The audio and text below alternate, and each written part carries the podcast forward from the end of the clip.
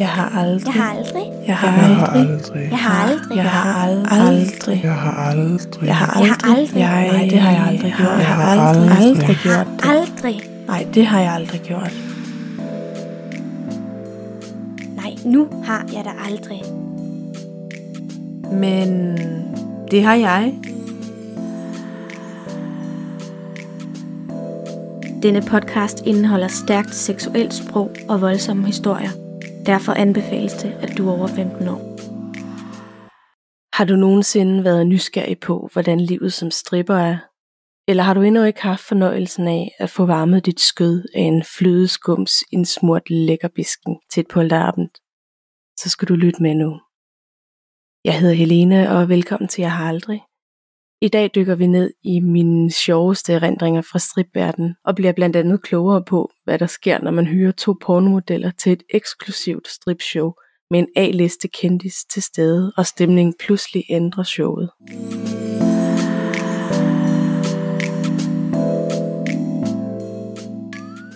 Først er jeg nok nødt til lige at komme med nogle forklaringer på de forskellige navne, der optræder i de kommende afsnit.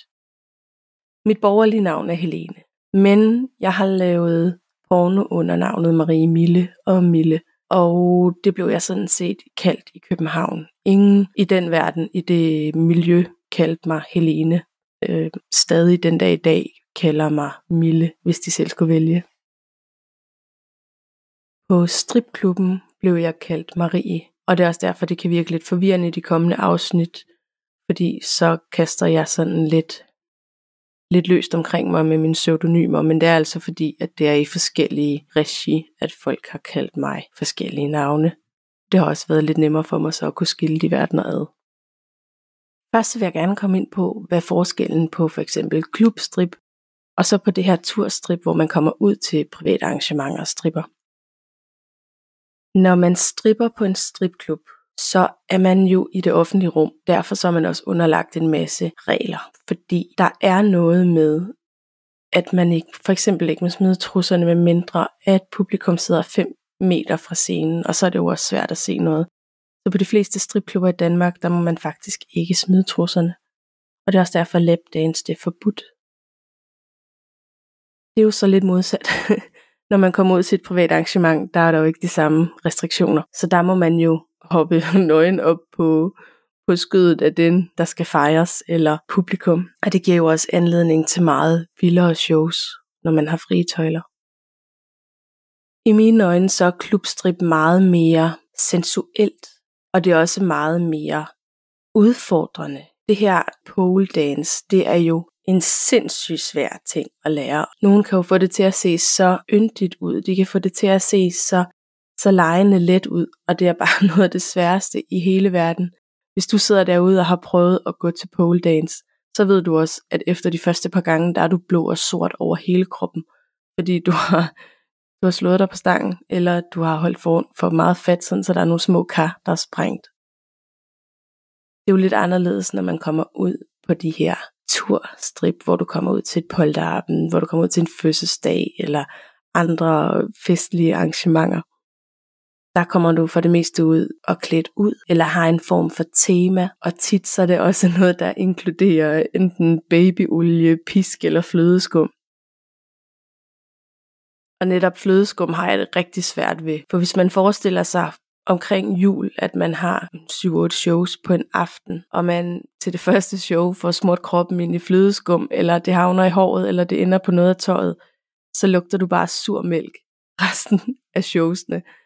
Det er sådan noget, der virkelig sidder stærkt i mine rendringer, at sidde i den der bil på vej til det sidste show, og man kan bare lugte, at man bare ikke er det mest... Øh, ens hår er bare fedtet ind, så det er op i en knold eller et eller andet, fordi at man, øh, man har været uheldig med flødeskummen på en af de for tidligere shows.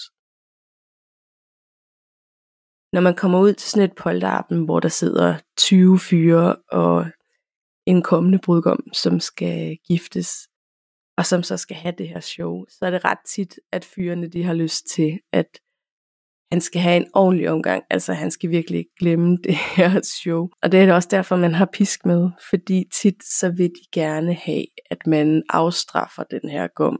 Eller man sætter ham lidt på plads, eller ydmyger ham. Jeg tror, det er sådan, en, sådan lidt manderitual til de her polterabends. Det, det forekommer i hvert fald jævnligt. Og selvom jeg har floreret i mange forskellige brancher, så har jeg aldrig nogensinde blandet det. Det blev rigtig klart for mig engang, jeg var ude at strippe for et fodboldhold, hvor jeg bagefter blev og blev lidt fascineret af de her kendte fodboldspillere. Det var ikke en positiv oplevelse, så derfor har jeg ikke haft gjort det. Det skal også siges, at det her show var booket privat og ikke gennem bureau. Gennem bureau er der rigtig strenge regler, hvad man må og hvad man ikke må efterfølgende. Og man skal virkelig være standhaftig, når man kommer ud til et stripshow, fordi de her berusede fyre vil meget gerne feste og have man bliver og kommer med tilbud. Jeg kan huske, jeg var engang blevet flået til Aalborg, hvor jeg skulle lave dildo-show, hvor jeg bagefter sidder ude på toilettet og nærmest må sparke døren lukket for at holde folk væk. Det er som om, du, altså, når, når sprutten går ind, og de har set en pige ligge nøgen på gulvet, jamen så, så er hun, virker hun mere tilgængelig, men det er hun altså på ingen måde. Tværtimod, hun er jo ædru. Men jeg har virkelig nydt min tid i stripbranchen. Jeg synes, det har været sindssygt sjovt, og det har været mega spændende at kunne klæde sig ud og kunne... Altså jeg er sådan lidt den der stripper-type, jeg kan godt lide, at der er en fortælling med showet, og derfor så har jeg også synes at det var spændende at kunne fortælle en historie med mine shows. Nu skal det ikke siges som om, at jeg bare sådan har opfundet den dybe tallerken inden for strip, for det har jeg bestemt ikke. Men jeg synes bare, at det, det er et spændende univers, hvor man giver lidt, men alligevel ikke. Den der æggende dans, den der erotik, der er over det, den kan jeg ret godt lide. Vi var engang med erotikmessen i Aalborg, hvor vi fik den her spændende idé om, at vi skulle skænke frække fadøl ude på messen med et øh, fadølsanker. Og, og det morer vi os rigtig meget over. Det er, nok, det er nok en af de sjoveste erindringer, jeg har fra erotikmessen. Mig og min veninde, der skænker, skænker frække fadøl. Jeg er ret sikker på, at det ikke var noget, vi måtte, men, øh, men vi var ret, der var, dengang var vi ret ligeglade. Og i takt med, at det bliver almen kendt, at jeg stripper og laver pornofilm, så vækkes interessen nede på Lolland selvfølgelig også for, at jeg kommer derned og smider tøjet, selvom de fleste havde set mig nøgen i forvejen. Og jeg vil sige, et af de shows, jeg nok jeg vil ikke sige, at jeg fortryder, at jeg har gjort det, men jeg fortryder nok, at jeg gjorde det for det publikum. Det var nede på et værtshus, der hedder Landmanden i Rødby, hvor jeg kommer ned og laver show. Og min lillebror står på første parket sammen med min mor. Det er sådan en ting, hvor jeg tænker, der burde du nok have sagt nej, Helene. Der burde du nok lige have sat foden ned og sagt, det kan sgu godt være, at jeg lige skal, skal skåne min lillebror og min mor for det her. Men jeg, dengang, der var jeg så grænseløs, at jeg tænkte, ej, det, de ved, hvad jeg laver, de, de er cool med det, ellers kunne de jo bare lade være med at være der. Og det kunne de jo også i princippet, men når alle mine brors venner var der, og så videre, så, så var det, ja, det var noget rod. og det har jeg også sagt undskyld for mange gange. Ej, eller ikke sagt undskyld, men, men jeg har i hvert fald godt kunne forstå, at han har haft det svært med det. Og nu skal vi jo så til en af de lidt mere sjovere historier. Da vi startede inde på stripklubben i Stor Kongesgade, der kommer der nogle mænd ind, som er sådan, man kan godt se på folk, sådan hvad de har intentioner, når de kommer ind på en stripklub. Man kan godt se, okay, ham der, han er sådan en, der skal sidde og drikke champagne, og dem her, de kigger bare på piger, og man kan godt se, hvem det ligesom er, man, man bør hooke op, eller ikke hooke op med, men man burde sætte sig hos, hvis det er, man gerne vil tjene nogle penge på sin vagt. Og de her mænd, de er selvfølgelig interesseret i store bryster, og man kan godt se, at de sådan kigger over mod os. Nok fordi vi var de eneste danske piger på klubben. Men man ved, at vi kunne også se, at der ikke var nogen champagne at hente i dem. Og vi begynder at snakke med dem, og de spørger sig ind til, hvad vi laver. Vi fortæller til hverdag laver vi lidt porno, og så er vi her om aftenen, og sådan nogle ting. Og de spørger så, om de får må booke os til et show, til et øh, dobbelt dildo-show. Og det er vi sådan lidt, det vil vi jo gerne. Selvom man arbejder på stripklub, så vil man jo også rigtig gerne ud og strip privat, eller det vil vi i hvert fald gerne. atmosfæren er bare helt anderledes, og stemningen er helt sikkert også, øh, også anderledes, når man kommer ud til det her, de her private shows. Så vi siger ja, og de siger så, at, at forudsætningen for, at vi kunne komme og lave det her stripshow, det var selvfølgelig, at vi er okay med, at der er en mega kendis med til den her fest. Og at vi ikke siger, hvem det er, eller ikke, vi ikke, at vi kan holde på en hemmelighed. Og vi tænker, okay, øh, altså på det tidspunkt var vi nok lidt indifferent i forhold til hvem og hvad, og vi synes det var sådan lidt underligt, at de var sådan lidt, ah, det skal være meget low-key og tyst-tyst, og ikke fortælle nogen om, at han er der og sådan noget. Det går vi selvfølgelig med til, vi vil gerne ud og lave det her shows, vi er sådan lidt, vi er ikke ligeglade med, hvem det er, fordi det sætter selvfølgelig i gang i nogle tanker om, hvem pokker kan det være, siden at det skal være sådan helt under radaren Men videre tænker vi ikke over det, og så går der nogle dage, og vi skal dagen inden stripshowet, eller dildoshowet, der er vi på stripklubben, og det bliver en sen aften, vi får noget champagne, vi får, vi kommer også til at tage noget kokain, og vi kan ikke sove. Så vi beslutter os for at holde os vågne, fordi vi ved, at her kl. 12 dagen efter skal vi op og strippe, eller op og lave det her show. Så vi kan ikke, vi kan ikke bare gå i seng, fordi stripklubben lukker klokken 5, og klokken 12 skal vi være fit for fight og, og i gang. Og når man har taget kokain, man, kan man godt have rigtig svært ved at sove. Så vi holder os vågne og duller os op og tager op til det her stripshow, og vi kan jo godt se, at det er en meget fin adresse, vi er kommet på. Det skal der ikke have nogen tvivl om. Og vi kommer op i den her kæmpe, kæmpe, kæmpe store penthouse-lejlighed. Ham, der bor i lejligheden, han er gået i forvejen for at lukke os ind, sådan så vi ligesom sidder klar, når hele arrangementet ankommer. Der er blevet bredt sådan et sort latexlagen ud på gulvet i tilfælde af, at vi skulle svine, og vi har selv nogle aggregater med, som vi ligesom liner op, og min veninde begynder at binde min arme, og der er en krog i loftet, hvor vi så binder min arm op i, sådan, så jeg nærmest sidder i sådan en slavestilling midt på gulvet.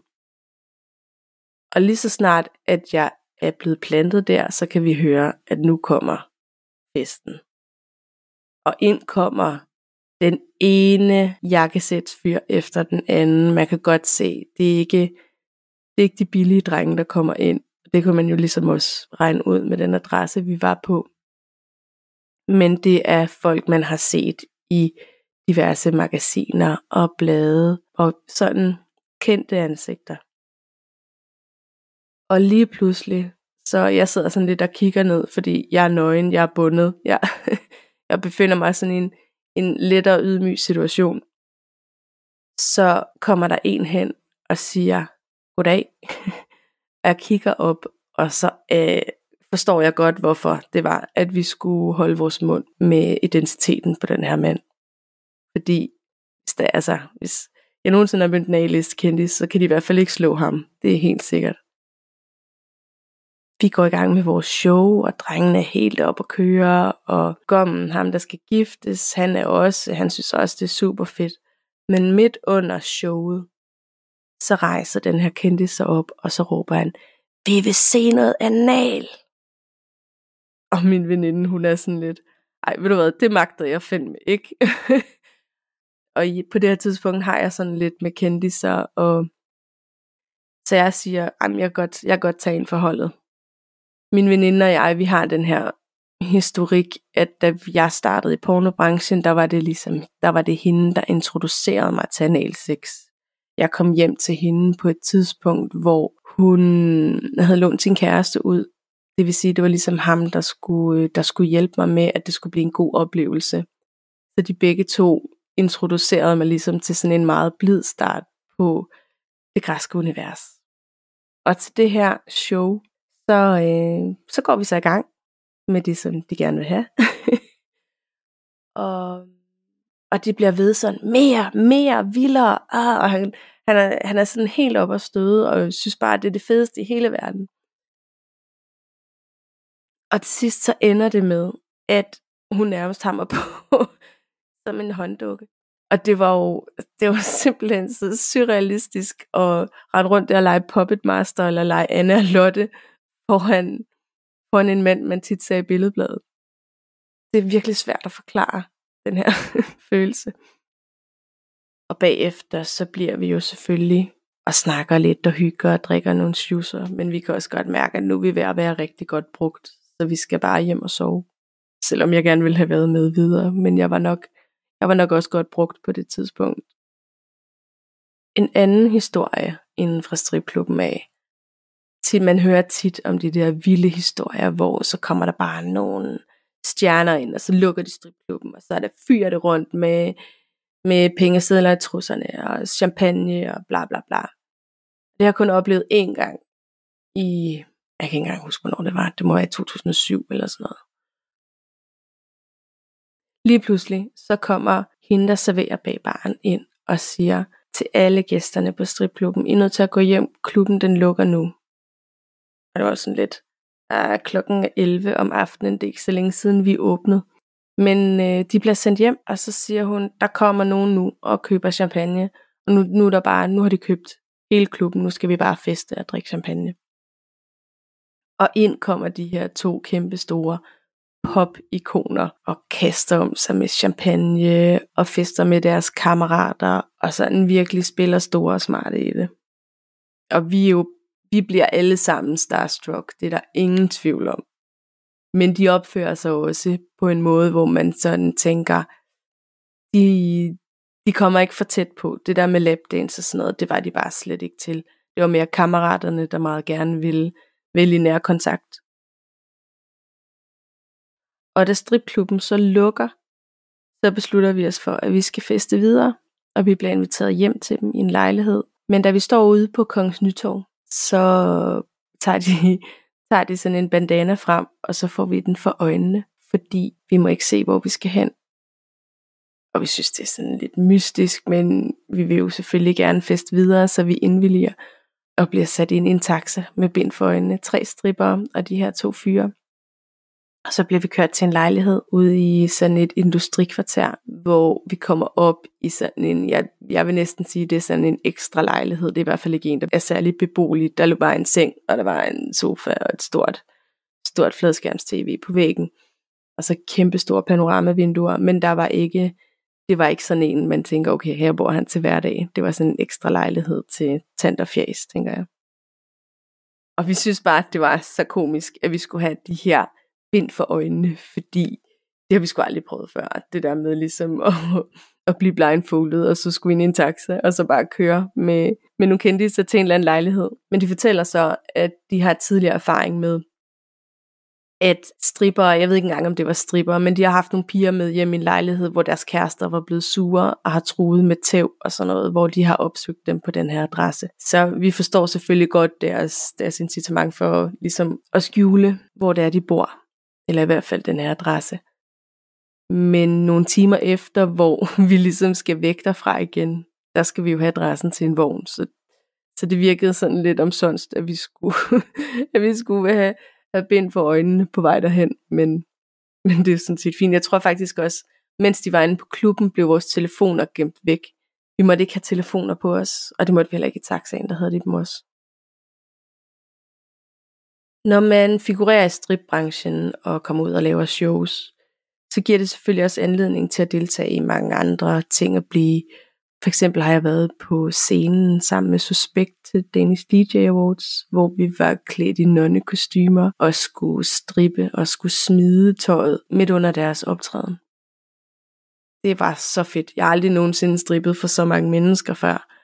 Så den fik jo hele armen Jeg tror et par dage i forvejen, var jeg lige blevet tatoveret på mit allerhelligste. Så øh, den blev selvfølgelig også vist frem, og jeg tror endda, jeg tror endda, der kom et billede af det i ekstrabladet. Jeg har været rimelig god til det der med at få pressedækning på det, det jeg har rendt rundt og lavet, og skabt lidt røre omkring mig. Det fik jeg selvfølgelig også her. Udover at danse på scenen med, med rapmusikere, så har jeg selvfølgelig også været med i så jeg er blevet castet til nogle forskellige statistroller. Jeg har blandt andet været med i Forbrydelsen, hvor jeg meget kort øh, agerer stripper eller prostitueret på en stripklub. igen ikke en rolle, der forekommer mig fremmed, så det er nok også derfor, jeg var så god til at falde ind i den. så har jeg været med i musikvideoer, hvor jeg kan huske den første musikvideo, jeg var med i. Det var for en kunstner, der kaldte sig Bulldog. Jeg kan huske, i min gymnasietid hørte vi meget en, der, en sang, der sådan hed et eller andet knip, hår, øh, knip, et eller andet snif, snif, eller sådan noget. Sådan rigtig, sådan rigtig hardcore, synes vi dengang nede på Lolland. Og så blev jeg så booket til at skulle øh, være med i en sang, der hedder Fissesang. Jeg tænker, det var da bare det fedeste i hele verden. Første gang, jeg skal være med i en musikvideo, og jeg er bare helt sejt. Jeg har lige fået lavet silikonebryster, og tænker, nu skal de bare vises frem. Og under den her musikvideo, der bliver der serveret alkohol, og vi har bare virkelig svært ved at holde igen. Og jeg kan ikke huske, jeg kan faktisk ikke huske alt, hvad vi har lavet på den her musikvideo, men vi kører rundt i sådan en cabriolet inde i midtbyen og kommer op til Storkespringvandet, hvor det er meningen, at jeg har sådan en hvid t-shirt på, og den skal vi sprøjte til med champagne. Og det gør vi også. Men jeg stripper så meget, at politiet bliver tilkaldt. så, og jeg går på de her tårnhøje stiletter på brosten, og kan ikke rigtig komme væk, så en under hver arm, og så bliver jeg smidt op i den her cabriolet, og så bliver vi ligesom bare, så blev vi bare kørt væk, inden, inden politiet når ankom, fordi det, vi var spritstive, og vi var nok heller ikke helt appelsinfri på anden vis. Og det er jo sjovt at se sådan en musikvideo, fordi hold kæft, vi havde en fest. Altså det havde vi, og det afspejler musikvideoen helt sikkert også. Der var så nogle bestemte punkt, vi, vi skulle nå at optage, men at, at det bliver det blev så sjovt, det var der jo ingen, der havde regnet med. Og det er jo helt sikkert, fordi vi er imod, stik mod alle regler, men når man skal lave noget professionelt, øh, drikker også fuldstændig i hegnet. Men jeg synes, det blev en super fed video. Jeg er sådan lidt, jeg er sådan lidt over min egen optræden, fordi når man står der på et podie, vi skulle stå og filme sådan nogle sekvenser, hvor vi står og danser, hvor vi står og er lidt sensuelle. Og det har jeg rigtig svært ved. På det her tidspunkt føler jeg mig ikke særlig sensuel. Der er der stadig rigtig meget Lolland Helene i min krop, hvor jeg var sådan lidt, ah, gem dig væk, pas dig selv. Og derfor bliver det også meget akavet at stå der foran kameraet og skulle, og skulle bevæge sig sensuelt og æggende. Det synes jeg, det synes jeg var rigtig svært, og især klokken 12 om formiddagen fuldstændig ædru og med 20 mennesker omkring mig. Men jeg får gjort det, og jeg synes, jeg synes egentlig, videoen er blevet meget fed. Jeg har også været med i en anden musikvideo, hvor jeg skal spille hund. og det lyder simpelthen så skørt, men jeg har en kammerat, der, øh, der lavede noget øh, engelsk rap på et tidspunkt, som jeg var sindssygt forelsket Jeg synes, han var så pivhammerne lækker. Det er han sikkert også stadig den dag i dag. Men jeg var så sindssygt forelsket i ham. Og jeg tænker jo selvfølgelig, at, øh, at hvis man sådan er, øh, er ja-siger og, øh, og, og, og behjælpelig med nogle ting, så kan det være, at den sådan er halvt inden, så kunne det være, at jeg kunne score ham. Og kommer ud til det her. Jeg har fået at vide, at jeg skal være med i en musikvideo. Jeg har ikke rigtig fået at vide, hvad jeg skal. Jeg har fået at vide, at jeg skulle være hans bitch, mener jeg. At bitch og Theo, og det er sådan, ryger lidt over i hundeverden på engelsk. Det, de, de brækker havde jeg ikke rigtig lagt sammen. Men jeg skal selvfølgelig have hundehalsbånd på, og sidde nede på alle fire med gaffatape over brystvorterne, fordi det skulle ligge på YouTube. Og så skulle jeg, skulle jeg gø, og jeg skulle gø rigtig meget. Og det, det var simpelthen så absurd, fordi jeg ville jo gerne være sexet, og jeg ville gerne være fræk over for den her kammerat, og jeg ville gerne vise ham, hvor badass stripper jeg var. Det kunne jeg bare på, på ingen måde, fordi den her instruktør blev ved med at sige til mig, åh, du skal være mere hund, skal, du skal, du skal knurre, du skal virkelig, jeg skal se dine tænder. Og jeg har sådan, jeg har sådan en ting med, når jeg smiler, eller når jeg sker grimasser, så føler jeg mig sindssygt grim. Altså jeg er sådan meget selvbevidst omkring det her. Så jeg havde sindssygt svært ved ligesom at slippe de her tøjler, og bare, apropos tøjler, men, og bare, og bare agere hund. jeg synes, det var så sindssygt underligt og akavet, men det blev super fedt, og jeg overvandt ligesom den her forfængelighed, som jeg havde over for den her fyr. Jeg fik så selvfølgelig aldrig scoret ham, fordi han var sammen med min veninde, eller han fandt sammen med min veninde, men det var vist også, det var også meget godt. Og nu kan det så være, at I sidder og tænker, hmm, hvad så? Har du aldrig selv fået et stripshow? Og jo, det har jeg.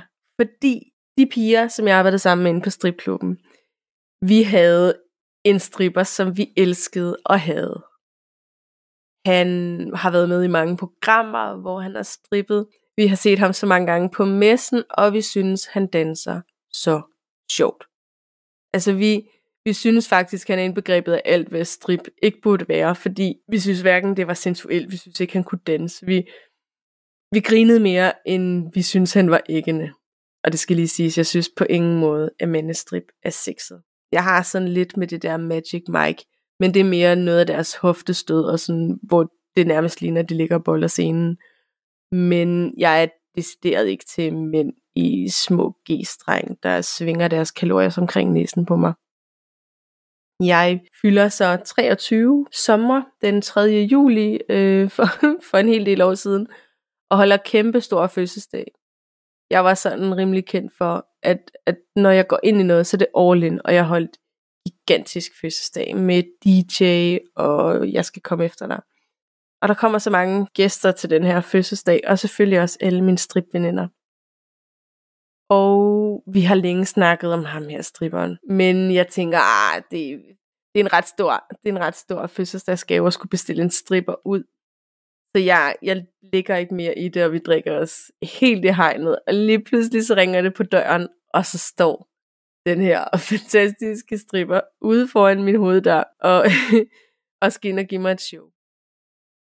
Og aldrig har jeg været så pinligt berørt, fordi at lige så begejstret jeg var for, at han kom, lige så svært var det ikke at grine, fordi vi har jo grint sindssygt meget af ham.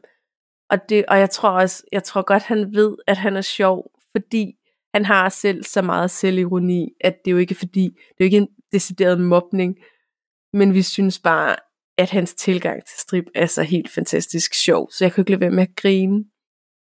Og det, er virkelig en, det var virkelig, virkelig en sjov oplevelse, og en fantastisk fødselsdagsgave. Jeg går ikke så meget op i at få gaver ellers, men den her, den sad bare lige i skabet. Og jeg tror faktisk på et tidspunkt, at den prøver at tage mig op i stolen, og sådan, sådan en omvendt stående 69'er, og er ved at tabe mig. Og det går, altså alt det der kajtethed, og mig, der griner, og sådan noget, det var bare, det var bare en perfekt symbiose. det var, det var simpelthen, det var sådan en fed oplevelse.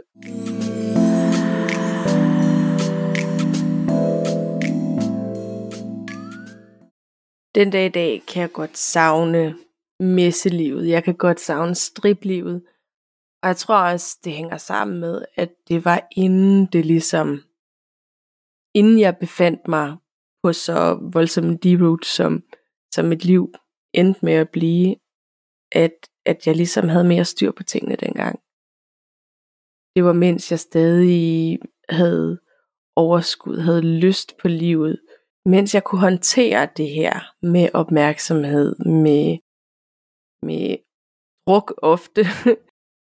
og jeg tror, vi alle sammen nyder det der med at klæde os lækkert på, og føle os frække, føle os sensuelle. Den her opmærksomhed, hvor man bliver bekræftet i, at man er et sensuelt væsen, der bliver begæret. Og hvis man nogensinde bliver begæret, så gør stripperen i hvert fald det til til et stripshow, hvor hun kommer ud og er iført det frækkeste lingerie, eller hun har kostume på, og folk har set frem til at se hende. Jeg tror, jeg har sagt det før, det er det der med, at man kommer ind og føler sig som en superstjerne, som aftenens midtpunkt, fordi man ved til på lappen, så er der stripper, og de ser jo frem til det, fordi det kan godt være, at der er en masse gifte mænd, der ikke så tit ser unge piger i lingerie. Det kan være, ægteskabet måske er lidt kedeligt, eller der de har brug for at se lidt andet end øh, Pornhub, så er det jo en rig mulighed for ligesom at komme til det der. Jeg har aldrig oplevet, at der er nogen, der har overskrevet mine grænser. Jeg vil sige, der er selvfølgelig nogen, der har prøvet på det. Det skal ikke være usagt. Men der er aldrig nogen, der ikke har taget nej for nej. Det synes jeg, der har været rigtig meget den her blive nu, vil I ikke drikke videre, skal vi ikke den, skal vi ikke datten, eller folk, der har prøvet at pille det ene eller det andet sted, og når man så har bedt dem om at holde snitterne væk, så har de også respekteret det. Det er en ting, jeg er rigtig glad for i min tid i stripbranchen, det er det der med, at det var rigtig fedt, at man kunne sætte grænser, og det blev respekteret. Det var lidt svært de andre steder, og det vil jeg også komme ind på senere. Nu vil jeg takke af for den gang. Mange tak, fordi I lyttede med. Vi lyttes ved.